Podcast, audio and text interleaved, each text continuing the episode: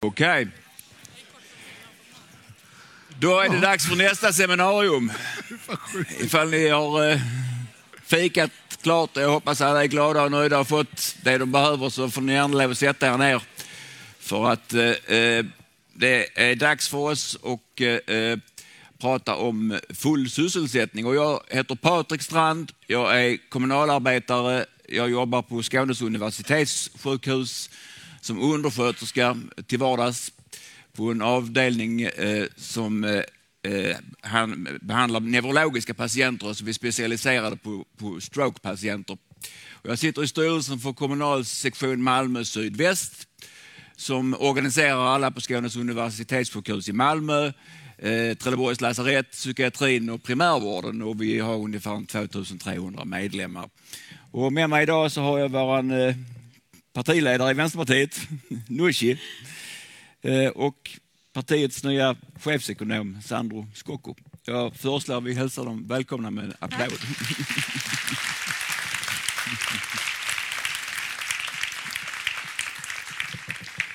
Ja, tack så mycket. Uh, ja, uh, vi, från, eh, vi är fackligt aktiva inom partiet, vi är jätteglada för att ha er här och, och vi är jätteglada för att kunna träffas och diskutera de här frågorna. Vi har jobbat under ganska lång tid för att bygga upp eh, partiets eh, fackligt politiska arbete och, och nu har vi nått fram till detta. Vi var här för eh, tre år sedan sist och då sa vi att nästa gång vi träffas så kommer vi vara dubbelt så många. Eller det var Jonas Sjöstedt som sa det. Och det är vi.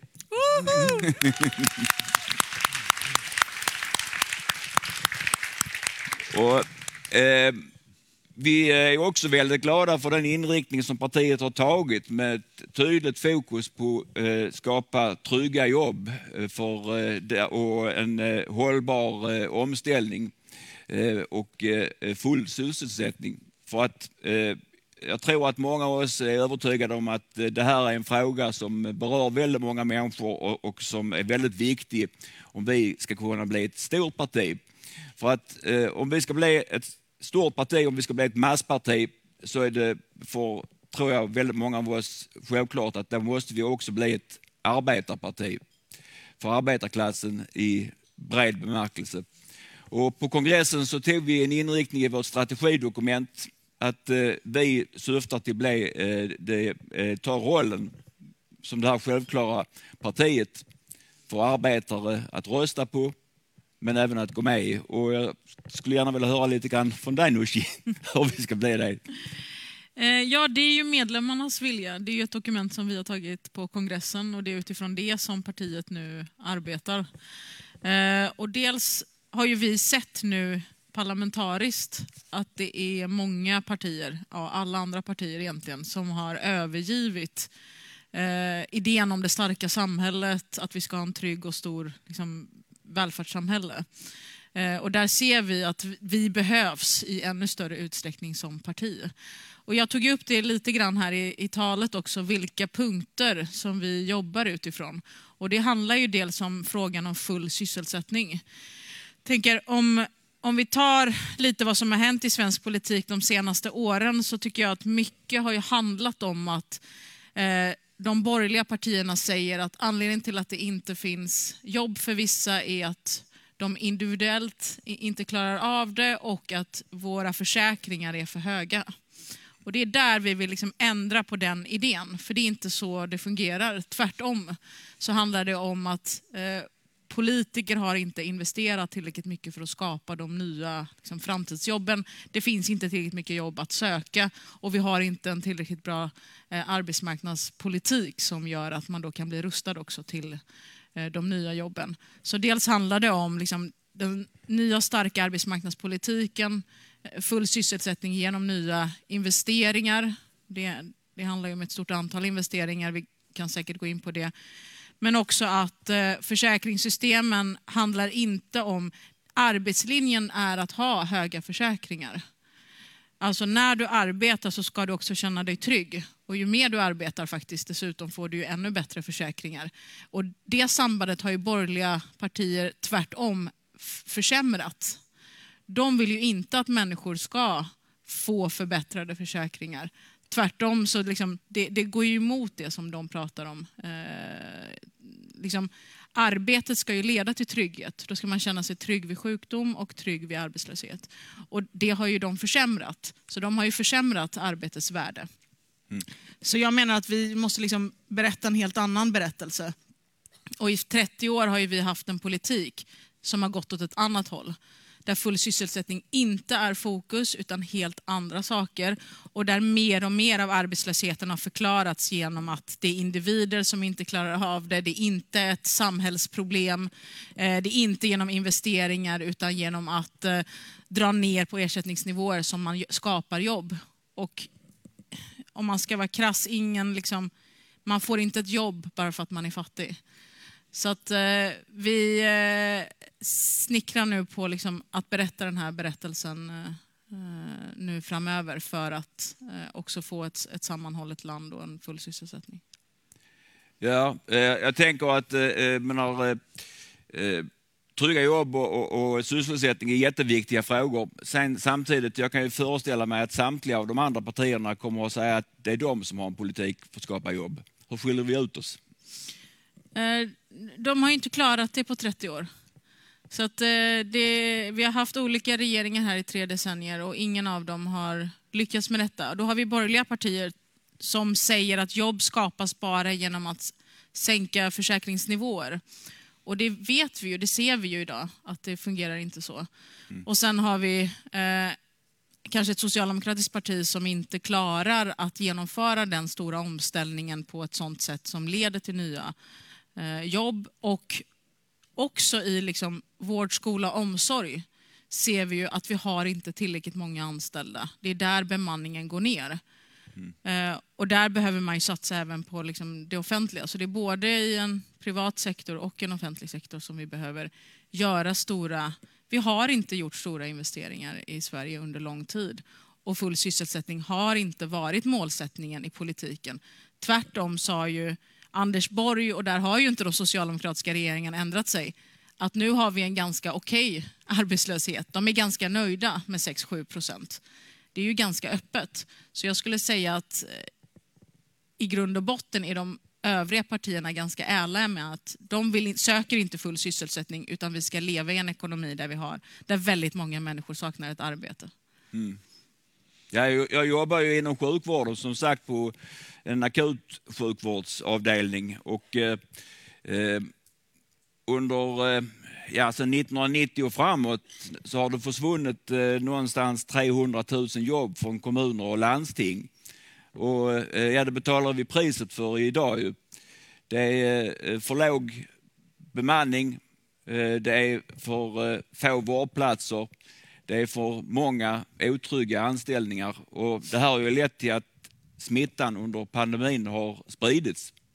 Så eh, vi har ju hamnat i en situation där många av oss och många av mina medlemmar har varit tvungna att jobba under krisavtal. Vi har jobbat 12 timmars arbetsdag. Vi har jobbat eh, eh, man har, eh, sex dagars arbetsveckor. Vi har jobbat obegränsat mycket övertid. Och det här håller ju inte. Du kan inte ha en välfärd som, som inte kan leverera och som inte kan ge den trygghet som mm. folk kan förvänta sig. Så eh, hur får vi välfärden att fungera igen? Eh, jag tror liksom också att tilliten och stödet för en stor och stark välfärdsstat, om den ska finnas kvar så måste den leverera och fungera. Annars kommer också människor att rusta sig för ett annat slags samhälle. Eh, med mycket, mycket andra typer av liksom nivåer på skatter och eh, där vi har mycket mer av privata försäkringar och privata system. Så jag tror vi står idag i ett vägskäl. Ska vi ha en stor och stark välfärdsstat eller ska vi ha ett, eh, det amerikanska tillståndet ungefär? Och det är den fighten vi också tar till nästa val. Eh, jag vet ju själv, jag har en mamma som också har jobbat i hela sitt liv ungefär i sjukvården. Jag minns ju när hon började så fick ju hon knappt ett fast jobb för det fanns så många sjuksköterskor eh, på jobbet. Nu, nu, finns, nu är det ju nästan, hon är ju den sista, eh, det är ju nästan ingen som är yngre än 50 år på hennes avdelning nu. Det kommer ingen ytterligare till avdelningen. Så det är ju, vi ser de senaste 30 åren en sån massiv nedspaning och åtstramning som vi inte har sett på länge. Och det måste ju ändras och vi kommer ju att förändra det. Ehm, jag tror verkligen att det krävs eh, stor mobilisering från alla oss, från fackligt håll också, för att få upp liksom, nivåerna i eh, både kommunerna, regionerna och de statliga satsningarna. Idag står ju många regeringar och säger nu satsar vi så här många miljarder på välfärden. Ni såg det kanske för några dagar sedan. Tre miljarder ska gå till statsbidrag till välfärden. Det räcker ju inte ens för att upprätthålla de nivåer vi har i Sverige idag. Eh, så att här krävs det verkligen en stor och stark mobilisering för att vi ska få upp eh, bemanningen både i vården, skolan och i omsorgen. Och där vet vi att vi har många människor med som, som instämmer i att eh, vi behöver liksom satsa. Och jag menar, ska du ha många personer som söker sig till de här jobben så måste ju arbetsvillkoren vara bra. Det måste ju vara löner som går att leva på och det måste vara en okej okay bemanning. Alltså jag tycker ofta man, idag när jag besöker både förskolor och äldreboenden så är det ju mycket bemanningsfrågor. Det är ju för få personer eh, på plats eh, och det är ju den viktigaste frågan framåt också. Ja, jo, absolut. Vi behöver fler mm. jobbkompisar. Så mm. är det. det är vi, vi, som, vi som uh, stått i frontlinjen under den här pandemin, uh, alltså vi, vi, vi går sönder annars. Det, det, det funkar inte. Det, det, det liksom, uh, vi kommer till en situation där du inte längre har en fungerande välfärd. Där, där, menar, du måste göra någonting, det är akut, det är en kris. Och, och jag är glad för att partiet har fokuserat på, på eh, fler jobb. Jag hoppas att många av de jobben kommer att komma eh, inom våra sektorer. I Region Skåne, man tänker ju sig då att de andra partierna skulle säga det här som vi ser och när man lyssnar på dem så låter det nästan så också. Men i Region Skåne så är det ju en eh, borgerlig majoritet som det är i de flesta av landstingen, eller det är väl alla utom ett. Eh, och, och, och eh, man har ju lagt en budget för fortsatta nedskärningar. Och man går vidare med privatiseringsexperimenten. Man, det senaste var att man skulle eh, privatisera den palliativa vården, alltså den mm. vården som är för folk som är i livets slutskede. Det här ska man alltså lämna till, till eh, riskkapitalbolagen att ta hand om. Så att det är uppenbart att eh, det finns de gamla käpphästarna, de borgerligas gamla käpphästar, de, de, eh, menar, har de inte övergivit. Nej men det finns ju ett massivt läckage också därför att vi har privatiserat hela äldreomsorgen men också sjukvården och skolan. Så täpper vi igen det så kommer vi lyckas skapa en mycket mer jämlik eh, välfärd också. Och där ser vi ju ändå politiskt att det är väldigt svårt att stå emot den massiva opinion som finns idag mot Eh, privatiseringen i, i skolan och vården och omsorgen. Vi ser ju till exempel att både liberaler och centerpartister ändå nästan inte, alltså de ändrar ju sig i de här frågorna. Så jag är ganska säker på att vi över tid med den opinionsbildningen, opinionsbildning, jag menar inte ens Socialdemokraterna, de var ju emot att förändra någonting bara för några år sedan. Nu låter det ju ibland som att de ändå ändrat sig. Så det går inte så långsamt tycker jag. Jag tycker vi vi har lyckats förändra många partier i riktningen mot att eh, vi kan inte ha kvar de här marknadsmodellerna. I, vi ser ju hur det ser ut i sjukvården där det är friskast personal som får mest vård. Eh, och det är dit alla läkarna söker sig. Och på sjukhusen, det var ju under pandemin som vi såg, så finns det inga resurser där de sjukaste är. Men det upplägget ser ju många människor, det fungerar inte och då det skapar ju en oro som jag ser också det finns ett tryck för att eh, förändra. Nästa mandatperiod har jag svårt för att se att vi inte ska kunna ta ganska ordentliga steg för att strypa eh, vinstläckagen ur välfärden. Ja, det är ljuv musik för mina öron.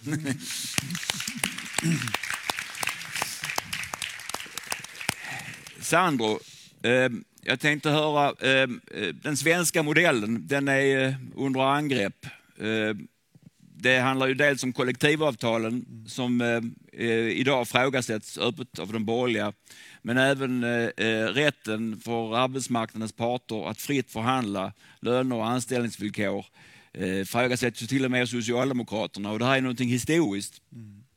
Ja, men alltså, du, den svenska modellen har ju varit rätt hårt ansatt kan man nog säga ända sedan 90-talet om man ska vara ärlig och det är ett tag sedan, eh, även om jag minns det. Så det, det som hände där det var ju det att vi liksom fick en ny tro i regeringskansliet kan man nog säga och i ledningsskiktet av socialdemokratin att man, man övergav sin gamla modell och så gick man in i den här. Det enda som är viktigt är att hålla inflationen låg. Att det, det är inflationsmålet som styr.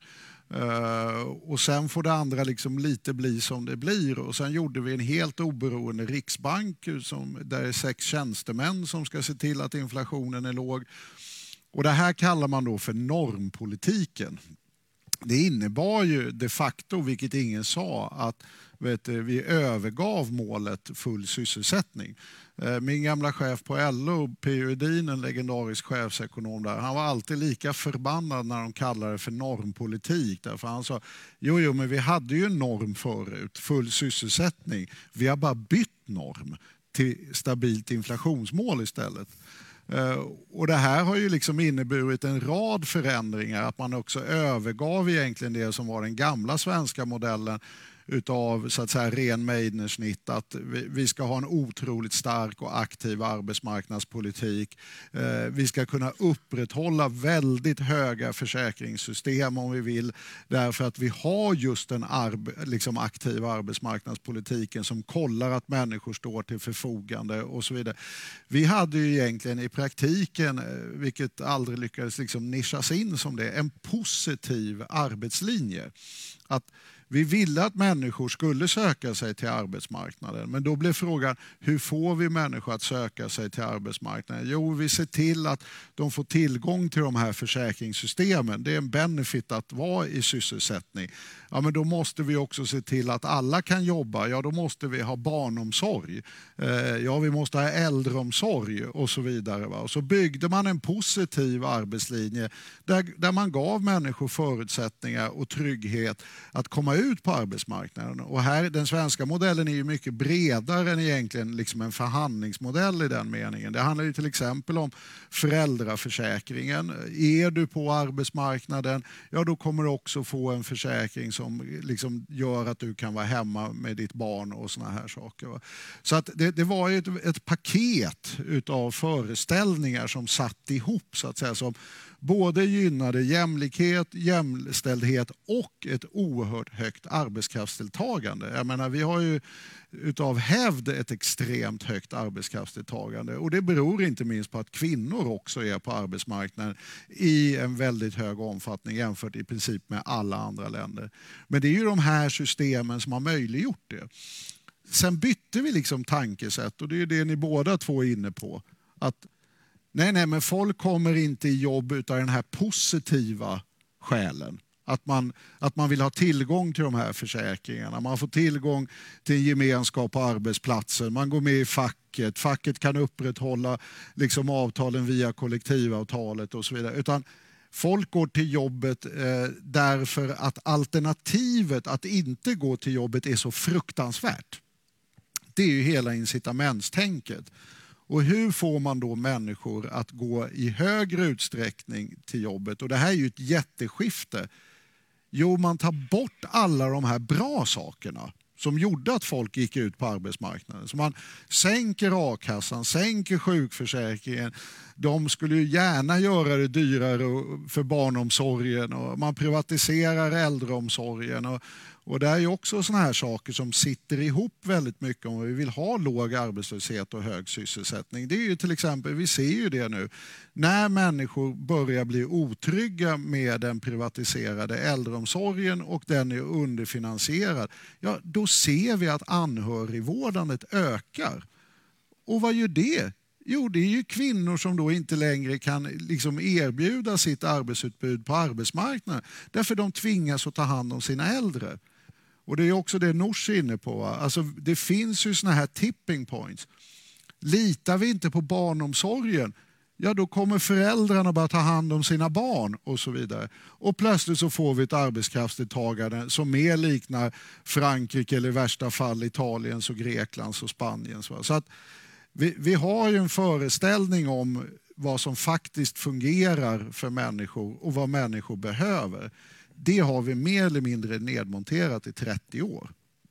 Och vi har tillåtit arbetslösheten vara otroligt hög. Alltså, ja, några är väl så gamla kanske. Men 82 års val var ett massarbetslöshetsval. Då var stora krigsrubriker massarbetslöshet. Den var något över 4 procent. Vi, vi har helt kalibrerat om vår värld. Vi har, vi har blivit så här, 9 procent som vi typ har nu. Ja, men det är lite högt. Men 7, det är cool. Och det är inte full sysselsättning. Och har man inte full sysselsättning då försvagas löntagarna, då försvagas kollektivavtalen.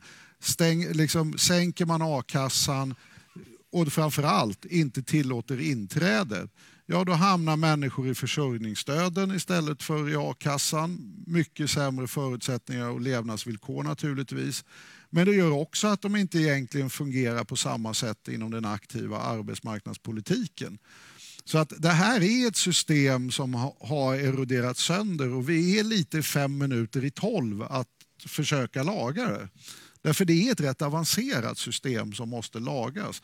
Och då, då tror jag, det är det uppdraget jag har utav Nooshi, att vi måste, vår politik måste stå på två ben. Den måste, stå, den måste ha en tydlig uppfattning om hur vi skapar privat sysselsättning och hur vi skapar offentlig sysselsättning. Därför det är de två stora pusselbitarna här.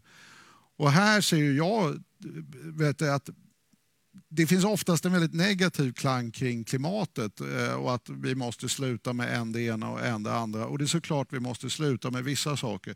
Till exempel att köra bilar med förbränningsmotorer som släpper ut koldioxid.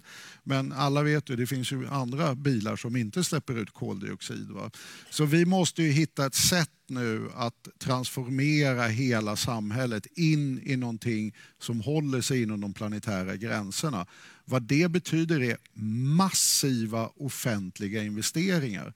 Vi måste fördubbla elnätet ifrån någonstans 150 terawatt till kanske 300 terawatt. Det är jättestora investeringar. Vi ser nu vi måste utveckla det fossilfria stålet. Vi måste se till att batterikapaciteten byggs ut, mellanlagring i form av vätgas. Vi måste få carbon capture storage på cement och så vidare. Alltså det är en helt ny infrastruktur utav både transporter och industrin som måste till. Som är högkvalitativa, kvalificerade jobb som är fackliga. Det är en helt annan väg än det här gig-ekonomin. Eh, vi måste sänka lägsta lönerna. Eh, facket är skadligt för ekonomin därför det höjer lönenivån i ekonomin och hämmar sysselsättningen. Och det, där, det vi har med oss i det här det är att, inte i Sverige, men den internationella forskningen är väldigt mycket med oss. Sverige är fortfarande en liten neoklassisk nyliberal ankdamm. Därför det är vissa ja, dominerande ekonomer som nog helt enkelt måste gå i pension innan de är villiga att byta uppfattning inom ja, ämnet. Eh, men det har de gjort utomlands, några stycken, har gått i pension. Vilket har gjort det möjligt att, tittar man på institutioner som IMF och OECD, ibland låter de verkligen som vänsterpartister. Alltså, alltså senast så hyllade OECD och IMF facket. Alltså du vet, gjorde man det för 20 år sedan, då fick man sparken på IMF. Va? Men nu sa man, nej men vi måste göra någonting åt jämlikheten. Vi måste återigen börja tänka, inte på union busting, utan vi måste tänka på hur kan vi aktivt stärka facket? Hur kan vi aktivt stärka löntagarnas förhandlingsmakt? Och där finns det ett antal skruvar att ratta på. Det är A-kassan reglerar reservationslönen. Kollektivavtalets styrka reglerar ju väldigt mycket vad man har för makt i förhandlingen. Eh, arbetsrätten är en väldigt viktig del där naturligtvis. Men också naturligtvis nivån på arbetslöshet. Alltså ett fack som möter 15 procents arbetslöshet, det är nog alltid ett relativt svagt fack faktiskt. Men ett fack som möter full sysselsättning och rätt riggning blir en stark motpart. Och det, är, så att det är väldigt, väldigt mycket som måste göras helt enkelt. Eh, och det kommer Nooshi se till att det blir gjort. Mm. Ja, ja. Är det någon som kan klara det?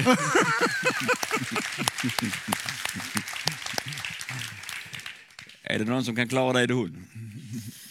Vi får se. Eh, en, en, en följdfråga. Eh, det här är ju alltså eh, det, överföringen från offentlig ekonomi till privat ekonomi, skattesänkningarna för de rika har varit enorma. Mm. Hur ska vi finansiera den här satsningen? Ja, men ett är ju den mest självklara och okontroversiella i någon mer ja, politisk mening. Det är ju vi måste få ner arbetslösheten. Vi måste gå emot full sysselsättning. Det finns ingenting så lönsamt för staten som när människor flyttar ifrån våra försörjningssystem till att vara i arbete. Det är, liksom, det är lyckan egentligen för alla finansministrar. Och vi måste börja få liksom alla att förstå. Det är, den, det är den huvudsakliga vägen. Men sen måste vi höja skatterna. Alltså, det, det, finns liksom ingen annan väg. Vi har fört över 300 miljarder kronor nu. Och det har ju inneburit att staten har dragit sig tillbaka. Det är en av de huvudsakliga stad och landkonflikterna.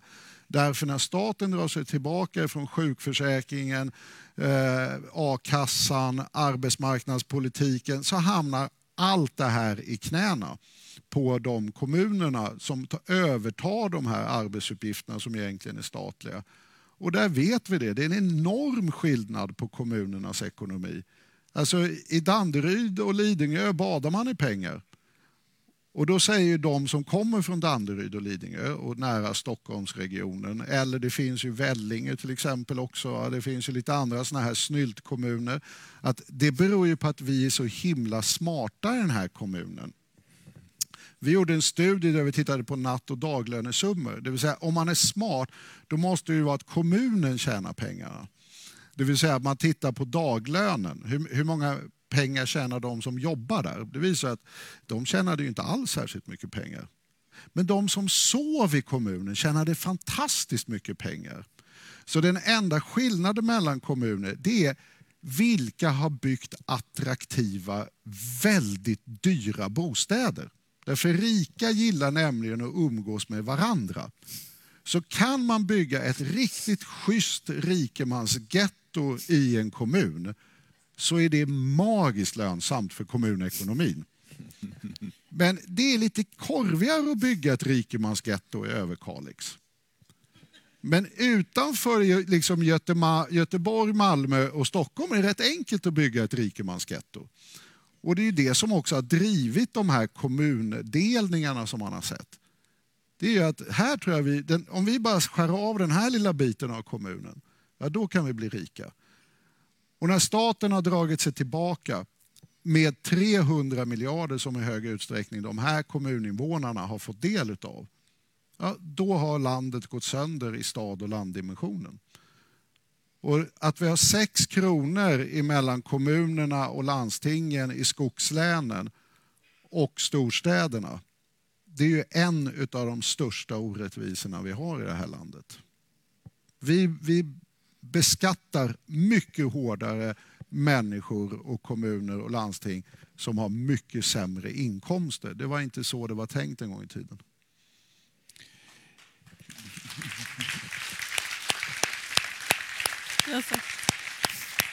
Det ska Nooshi också fixa. Ja, jag förstod det. Ja, vi vill försvara, vi vill återupprätta den svenska modellen naturligtvis, så som, i de delar som du beskriver. Sen samtidigt så, så eh, eh, man kan ju också diskutera att man aldrig på allvar ifrågasatt den ekonomiska vakten eh, eh, inom ramarna för den svenska modellen.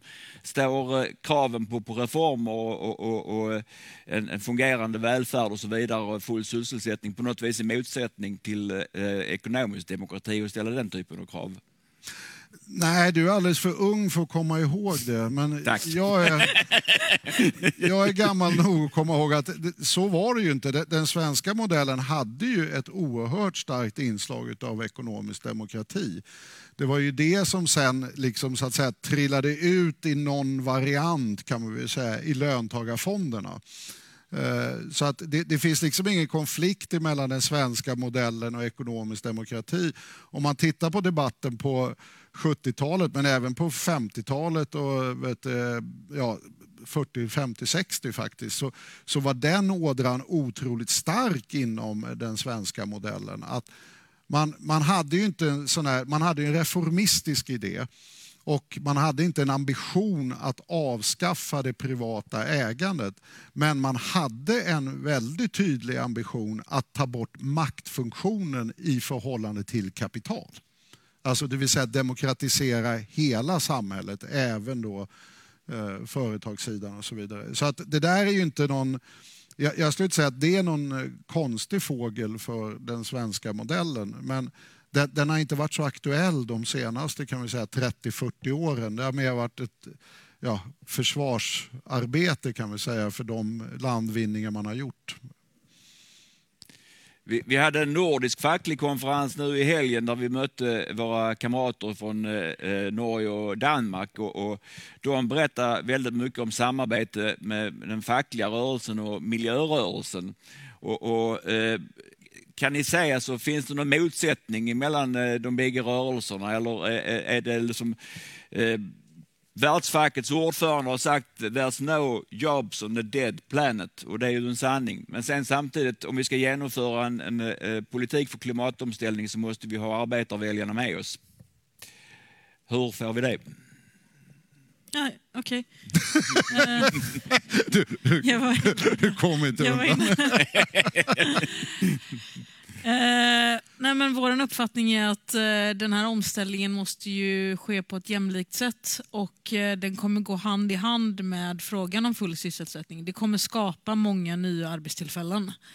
Alltså, de kommande decennierna så beräknar vi ungefär att det är en tusen miljarder kronor som kommer investeras bara i norra Sverige för att ta fram alltså fossilfritt stål, eh, hela processen när det gäller att liksom, bygga nya fossilfria bilar och eh, köra dem med andra drivmedel.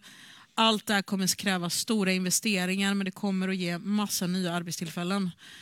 Eh, det var ju bara för några veckor sedan som finns ju en samordnare för allt detta som sa att ungefär 100 000 ytterligare personer behöver flytta till Norrbotten och Västerbotten för att vi ska kunna fylla på med eh, Eh, personer som gör de här jobben. Det kräver ju också investeringar i liksom, utbildning och kunskap och forskning för att många fler ska kunna ta jobben.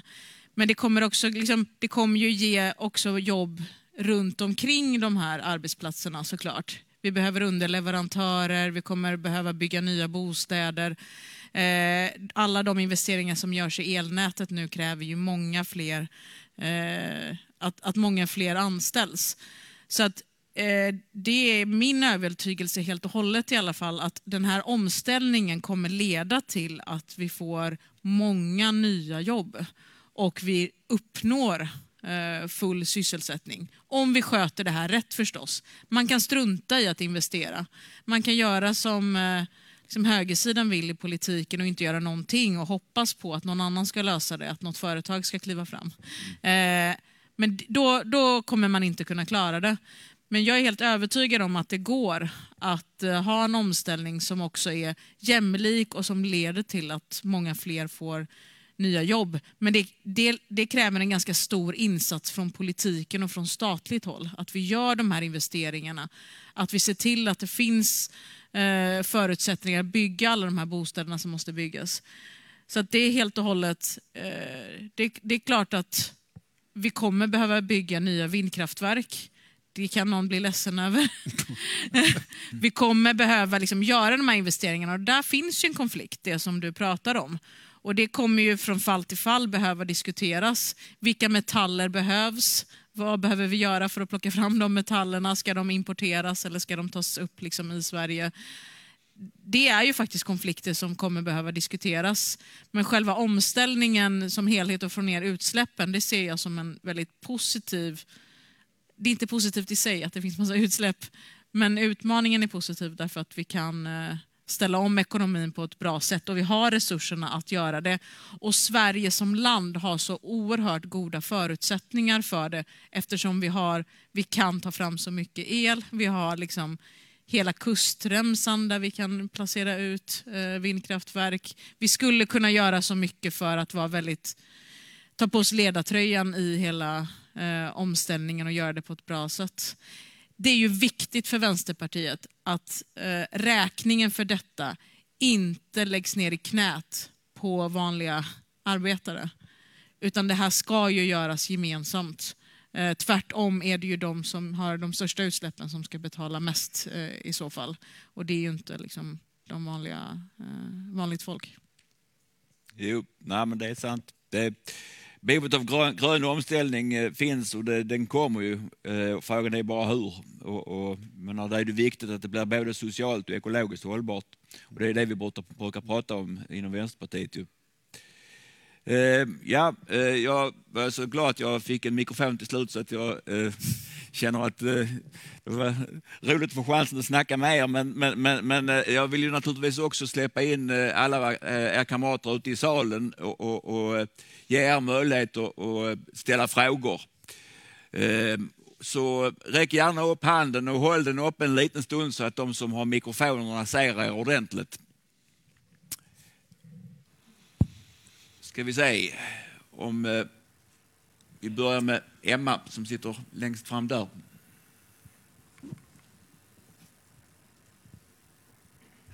Eh, tack, jag heter då Emma från eh, Livs. Eh, det riktas en del kritik mot den nya inriktningen i både Flamman och Internationalen. Eh, för jag, tänker att det som saknas är väl lite frågan om makt eh, och socialism i längden. Liksom. För det är ju, jag tycker full sysselsättning i sig ställer inte frågan om makt utan det blir lite att man axlar ansvar eh, lite för liksom industrin men att man ställer frågan om makt eh, för arbetarna. Jag tänker att det var väl samma problem man lite hade i 70-talets socialdemokrati. Även om man hade löntagarfonderna så gav man arbetarna mer ansvar genom MBL men man gav aldrig arbetarna mer makt eller arbetarrörelsen mer makt över ekonomin. Eh, var lite bred fråga, men jag, hade velat höra om ni svarar på den kritiken eh, som har kommit mot den nya inriktningen. Tack Vill ni fånga upp några stycken frågor? Eller? Kanske lika bra. Ja. Okej, okay. fler som vill fråga någonting? Ja. Här har vi en fråga. Ja. Eh, jag ville fråga eh, hur ser ni att vi ska lösa elektrifieringen som vi behöver göra för att, ja, som ni pratade om, vi behöver ju kanske eh, tillgång till 300 terawattimmar. Vi behöver ju öka vår elproduktion enormt och hur ser ni att vi ska göra det? Ja, någon till innan vi... Okej, okay. ja. Han kan Hallå, presentera er gärna. Ja, jag tänkte precis göra det. Jag heter Kenneth och kommer från Burlövs kommun och jobbar sedan många år på Arbetsförmedlingen. Och då kommer frågorna hamna om arbetsmarknadspolitik. Jag är orolig för den nedrustning som har skett. Jag känner inte igen min myndighet längre. Jag kunde prata jättelänge om det, tänker jag givetvis inte göra. Jag ställer bara en kort fråga som kan, vi kan spinna vidare på eh, mer under året. här. Ehm, det är ju en reformering, gubevars, på gång med Arbetsförmedlingen. Till hög grad initierad via Centerpartiet och även socialdemokratin. Vad kommer vara de första tre viktiga åtgärderna för att hejda den utvecklingen? För jag menar att idag är det under det förlovade täcket av lagen om valfrihet. Köpa upp och berika företag med stöd och matchning. Och så fick vi order, gör det. Och det gjorde vi, pengarna är slut. Och nu stänger vi stöd och matchning. Och nu, nu ska det då in med något rusta och matcha och krom och sånt där. Jag är bekymrad för att eh, jag har jobbat så länge i Arbetsförmedlingen så jag vet att det finns så många människor som knappt ens vet hur de ska få in sin aktivitetsrapport. Det är en uppkoppling, nedkoppling på internet. Allting sker digitalt. Och jag är rädd att vi måste göra någonting och det är nu, snabbt. Det är kompetensbrist i näringslivet. Det är fråga ett reformeringen av Arbetsförmedlingen. Säg gärna tre förslag, motivera gärna Sandra, eh, Sandra och, och, och Nagush. Och nummer två, eh, kompetensbristen i näringslivet. Hur ska vi kunna från Arbetsförmedlingens sida täcka upp det? Och vi fackliga har ju självklart en roll här någonstans. Att, att stödja en sån. Ja, tre stycken rätt breda frågor. Ska vi börja med dem? Du är ju typ GD för... jag har varit AMS-direktör. Jag, jag, kan, jag kan ta AMS-frågor, eller arbetsförmedlingsfrågor. Eh, ja, det var om eh, makten här. Jag tycker ju liksom ändå att vi var lite inne på det. Det är ju ändå en maktfråga, frågan om full sysselsättning, alltså att minska utbytbarheten är, kommer ju alltid landa i att vara en maktfråga. Och det är ju, någonstans måste vi börja med hur ska vi förstärka liksom vår förhandlingsstyrka generellt. Och då tycker vi att det, är, det finns ju fler saker. Just försäkringsnivåerna är ju också en makten att liksom i, inte låta dem pressa ner lönerna och upprätthålla de höga reservationslönerna. Sen är det ju... Alltså, om man ser på den här, hela den här omställningen som vi ska göra nu med stora bolag som LKAB och eh, SSAB och vi har hela Svenska kraftnät och så. Det, det, är ju väldigt stora statliga bolag. Så vi har ju ett väldigt stort... Om man ska säga att... Eh, jag tycker ändå att statligt ägande, det kan man säga ändå är ett, eh, ett ägande för arbetare ungefär. Det är vårat, liksom, vi har andel i det. Så vi har ju ganska mycket muskler faktiskt i Sverige att använda dem för att göra den här omställningen. Eh, och, och, att liksom kombinera det med att anställda också i hela näringslivet har makt genom andra verktyg som full sysselsättning, höga försäkringsnivåer, arbetsrätten och så. Eh, så jag skulle inte säga, jag tycker liksom maktfrågan är väldigt central och är verkligen det som går igenom här. Och där finns det ju också stora hot från högern. De vill ju privatisera våra elnät ännu mer. Elnätsfrågan tror jag kan bli en stor fråga till exempel. Eh, så att, eh, ni ska inte tro att vi har släppt några maktfrågor. Det är maktfrågan som är mest eh, central i sammanhanget. Eller vad? Eh, ja, alltså jag, jag har precis samma uppfattning. Alltså det, det här är ju en maktstrid vi håller på med. Alltså det, det, är ju ingenting annat. Jag har ju liksom en grundläggande historiematerialistisk uppfattning kan man väl säga. Och tittar vi vad som hände mellan 1945 till 1980 så minskade topp 1 inkomster relativt dramatiskt. Man beskar också vet du, deras möjligheter att göra vinst genom att man inte tillät vinstintressen i offentliga sektorn och så vidare. Så hela sysselsättningsökningen skedde utanför den privatkapitalsfären så att säga. Så att, så läser jag av makt när jag tittar på historien. Vem går det bra för? Vem har möjlighet att genomdriva sina krav? Mellan 1945 och 1980 så är det inget snack om att det gick jättedåligt för kapitalägarna i relativa termer och jättebra för arbetarrörelsen. Sen kan vi liksom vända lite på den här kartan och då är det helt uppenbart att det har gått mycket, mycket sämre för arbetarrörelsen och mycket, mycket bättre för kapitalägarna. Eh, och det har det gjort i Sverige och i alla andra länder. Och det är ju maktfrågor och de gav sig på rätt maktfrågor. Alltså de gav sig inte på någon så att säga, ja, teoretisk modell. De pangade på a-kassan, de gjorde union busting, de försvagade fackföreningsrörelsen, de privatiserade ut välfärden, ökade. Jag var inbjuden till ett seminarium för länge sedan som hette 600 miljarder möjligheter till vinst. Det var näringslivets sätt att försöka säga att vi ska in i offentlig sektor, därför det är så de ser det. Eh, så att det har ju skett en enorm maktförskjutning de senaste 30-40 åren och det skedde en enorm maktförskjutning. Så att jag, jag, jag har svårt att ta till mig att, att göra de här förändringarna som vi pratade om tidigare inte skulle handla om makt utan jag skulle tvärtom säga att det i huvudsak nästan handlar om makt. Men det gäller att ta den makten. Och den kom inte gratis 1945 och den kommer inte komma gratis 2022 heller. Och det är ju ni som ja, har det jobbet. Nu pekar jag inte på Nooshi, nu pekar jag på er. Det är liksom, man måste organisera och mobilisera. Det är så man får makt. Vi ska ta ledningen och makten. Det finns en bok som heter som är rätt så bra att läsa. Precis. Det var något om jag el... måste ju kommentera någonting om Jag vet, jag tänkte på elen där också. Vi, eh, det, det ska vi bygga ut. Det kommer att bli bra. Nej, men eh, det är precis som du säger.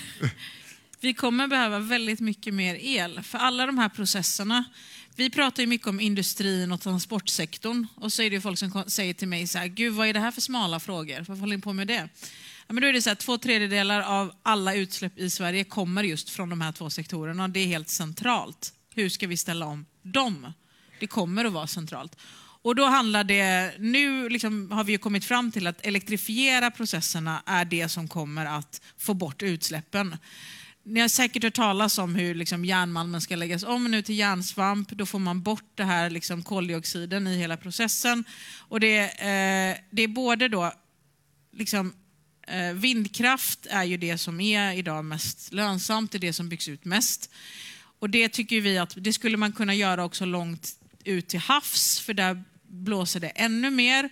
Eh, och det är inte liksom mitt i, i byn då. Eh, så att där tycker vi att vi ska, vi behöver det konstiga i Sverige blir också att Vattenfall, de bygger ut väldigt mycket i hela Europa men väldigt lite i Sverige. Så det säger någonting om att eh, svenska regeringen är inte tillräckligt bra heller på att använda till exempel vattenkraft för att bygga ut vindkraften. Så det skulle vi kunna göra på ett mycket bättre sätt och satsa mycket mer på det. Och sen handlar det om att bygga ut elnäten. Och där är ju vi väldigt kritiska till att man har privatiserat regionala nät, vilket gör att de bara tjänar pengar på det här på, och vi har höga elräkningar och det går aldrig till utbyggnad, utan det går bara till enorma vinster.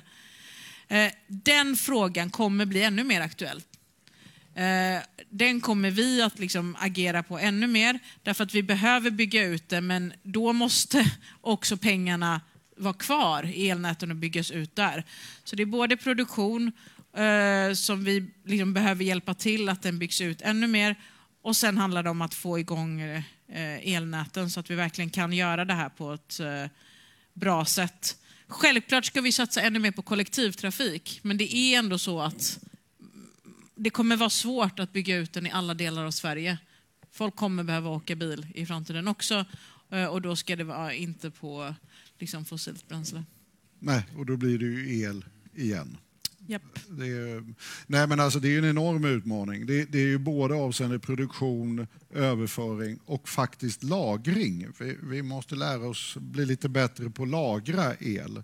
Det kan vi inte riktigt, men vi tror att vi nog kan det, kanske. Eh, EU tror i alla fall att vätgas kommer nog bli en nödvändig mellanlagringsläge. Därför bygger vi ut väldigt mycket vind då kommer vi inte ha samma stabilitet som vi kan jobba med när det gäller vatten och kärnkraft. Och kärnkraften ska ju avvecklas, då har vi bara vatten som regulator och då behöver vi lagring.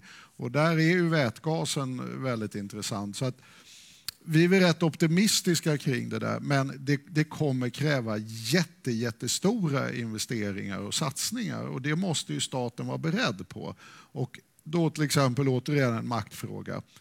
Inte bara lämna ut det till privata intressen som, som de här regionnäten nu som i princip kan sitta med monopol, eller inte i princip monopol, de sitter på monopol och kan prissätta ut hushåll och företag bäst de vill och göra jättestora vinster. Det, det, är liksom, ja, det är ingen bra samhällsekonomi. Eller vi ska inte heller ha Arlandabanan.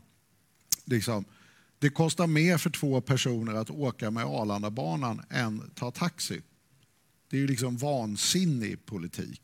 Enbart beroende på att man har privatiserat Arlandabanan. Eh, de sätter ett privat monopolpris istället för samhällsekonomiskt pris. Och det här måste vi ju nu se över. Alltså hur transporterar vi oss? Hur producerar vi? Hur konsumerar vi? Det är en enorm omställning. Men vi tror att det också kommer innebära väldigt mycket bra sysselsättning över hela landet, faktiskt inte minst då som Norsjö var inne på i Norrland. Att det, basindustrierna där håller på att utvecklas väldigt mycket. Så att det, det, finns mycket att göra, mycket som är bra. Och när det gäller Arbetsförmedlingen så kommer ju de bli viktiga i det också, precis som man var alltid i omställningsperioder. Och som gammal AMS-direktör som jag faktiskt det en gång i tiden. Du kanske jobbade där då. Eh, vad hemskt. Ja, vad hemskt. Då var det hemskt. Han, han hade en helt annan bild. ja, det var fruktansvärt. Uh, satt de bara i Stockholm och bestämde allting. Uh, nej, men alltså det, det är ju tragiskt, det vi ser. Alltså man, man slår ju fullständigt sönder Arbetsförmedlingen. Eh, och återigen, vad händer när staten drar sig tillbaka och man väljer att organisera på det här? Det är de mest utsatta kommunerna, de mest utsatta regionerna och de mest utsatta människorna som kommer plocka upp räkningarna av det här. Vi försökte ju väldigt aktivt som ledning. Vi misslyckades säkert med jättemycket, men vi gjorde i varje fall ett försök att resurserna måste styras mot dem som behöver dem.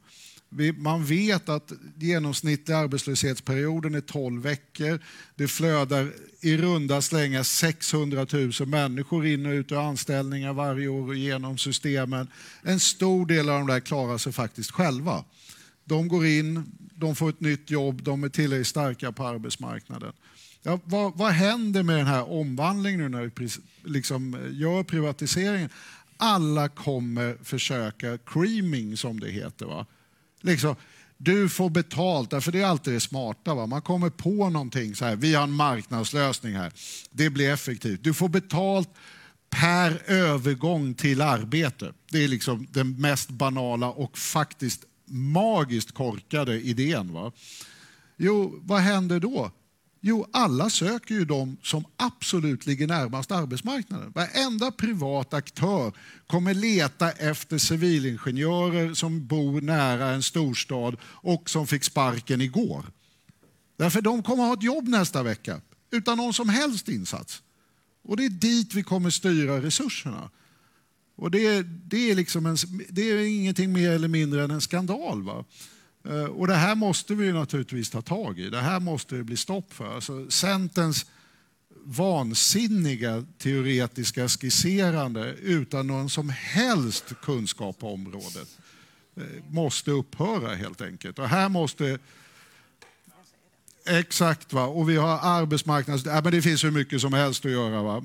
Och här ska ju Nooshi prata med den framtida partiledaren, har hon sagt till mig, att här ska vi göra grejer.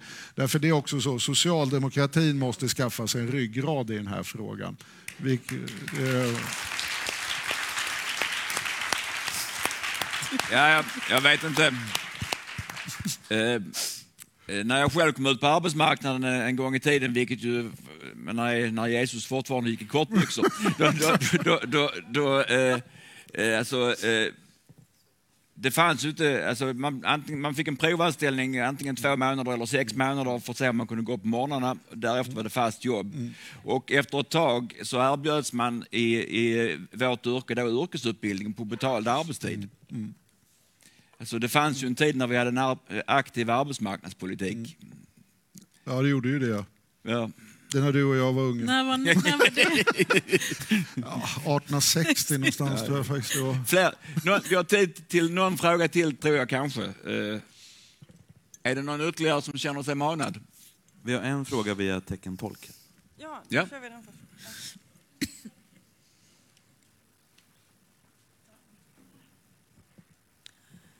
Eh, hej, jag heter Lasse eh, och jag är, i, jag är lärare från Lärarförbundet i Örebro.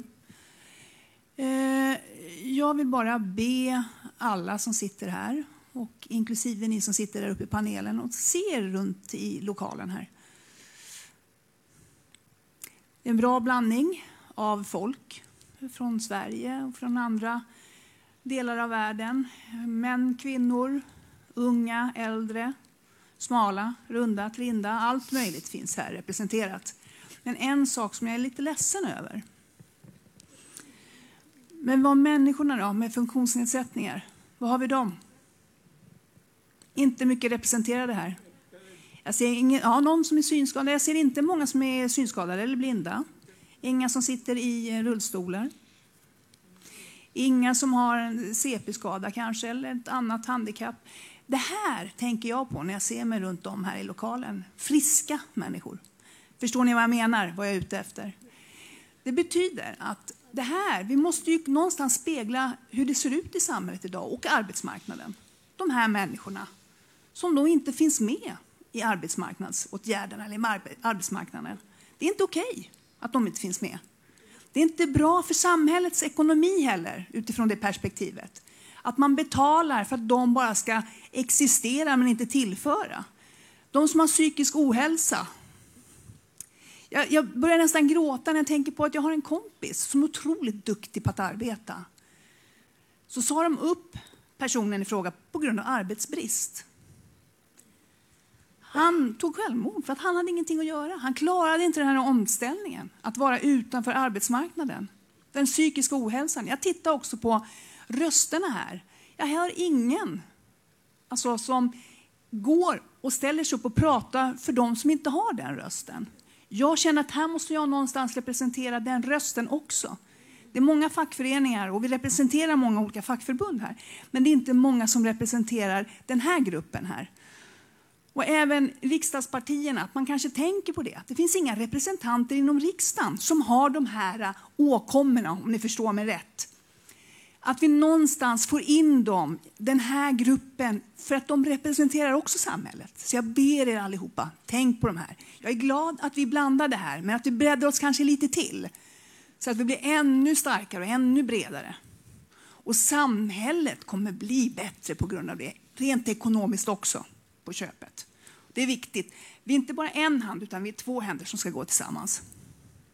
Så jag vill gärna höra vad ni tycker om min lilla aspekt som jag har lagt fram här. Tack.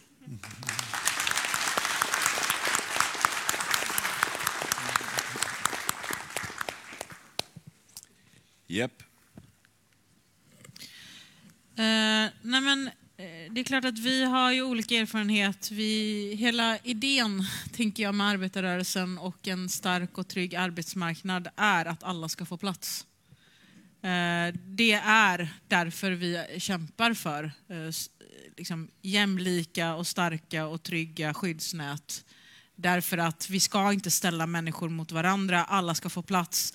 Alltså de hårda arbetstempon och eh, liksom den hårdhet som finns på arbetsmarknaden, det är det vi vill komma bort ifrån. Vi vill ju minska utbytbarheten just därför. Därför att vi ska vara många eh, som har ett jobb. Vi har ju varit väldigt kritiska till försämringar av eh, arbetsrätten och anställningstryggheten just av de här skälen, tycker jag, som du tar upp. Alltså alla måste få plats på en bred och stor arbetsmarknad. Eh, och om man inte får det så är det fel på den arbetsgivaren som inte eh, grundar för det. Så jag hoppas också att vi även här och i kommande konferenser blir ännu fler och bredare eh, och har nu kan ju inte jag veta exakt vilken bakgrund alla människorna har här. Eh, men det är ju verkligen det är kärnfrågan som jag tycker att du tar upp eh, i detta. Att alla ska få plats eh, på arbetsmarknaden. Och i, i våra sammanhang förstås. Jag håller helt med. Och det här har ju inte minst det vi var inne på tidigare också arbetsmarknadspolitiken och allting en otroligt viktig roll. Och ju mer man slimmar systemen, ju mer man skär ner och så vidare va, så eh, kommer det bli svårare för fler och fler att faktiskt få delta på ett anständigt sätt på arbetsmarknaden. Och här, här är ju så. Vi, Människor är ju den absolut viktigaste resursen vi har i samhället. Och, eh, jag menar, det är ju bara att titta på vad som också har hänt med Samhall och så vidare. Va? Det, ja, det, det, finns, det, det saknas inte arbetsuppgifter att göra och jag delar ju helt din bild naturligtvis av att det här måste vi bli fantastiskt mycket bättre på. Ja, då har vi eh, förbrukat den tiden som vi hade till den här programpunkten. Och, eh, det blev en, ett bra snack tyckte jag. Eh, Sandro var lite orolig för folks intresse för ekonomisk politik kanske inte skulle vara jättehögt men eh, jag tycker att det, här är stora viktiga frågor. Eh, jätteroligt att ni kunde komma hit till oss och snacka med oss fackligt aktiva. Och, jag tror att alla vi kan säga och, och att vägen till en bättre framtid det är facklig och politisk organisering. Jag föreslår att vi tackar våra Tack, gäster med en stor, stor applåd. Nu ska vi se.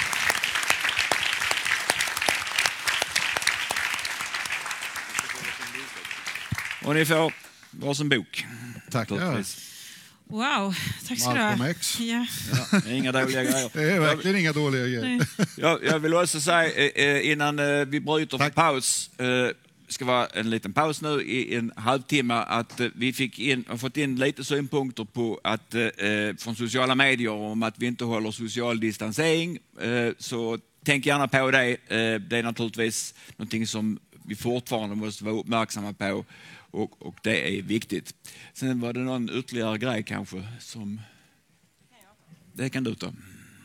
Så nu är det paus, så nu ska jag dra Göteborgsskämt i en halvtimme. Eh, nej, det ska jag inte göra. Eh, vi har paus utan kaffe, eh, så att eh, min rekommendation är faktiskt att alla ska gå ut och ta lite luft. Och man kan gå ut till vänster om hotellet och så kan man gå längs med ner mot kanalen till. Och nu har vi gjort så att vi har öppnat där så att man kan liksom gå ut ur rummet på två håll så att vi håller lite lite mer avstånd. Så det är min rekommendation. Jag var ute på lunchen och konstaterade att jag gick in här i, i torsdags och har inte varit ute förrän idag. Eh, vi har också dragit på ventilationen lite för att det är dålig luft här, så det kommer bli lite kallare eh, i kväll, eller i eftermiddag, tyvärr. Men eh, ja, så eh, hopp och lek.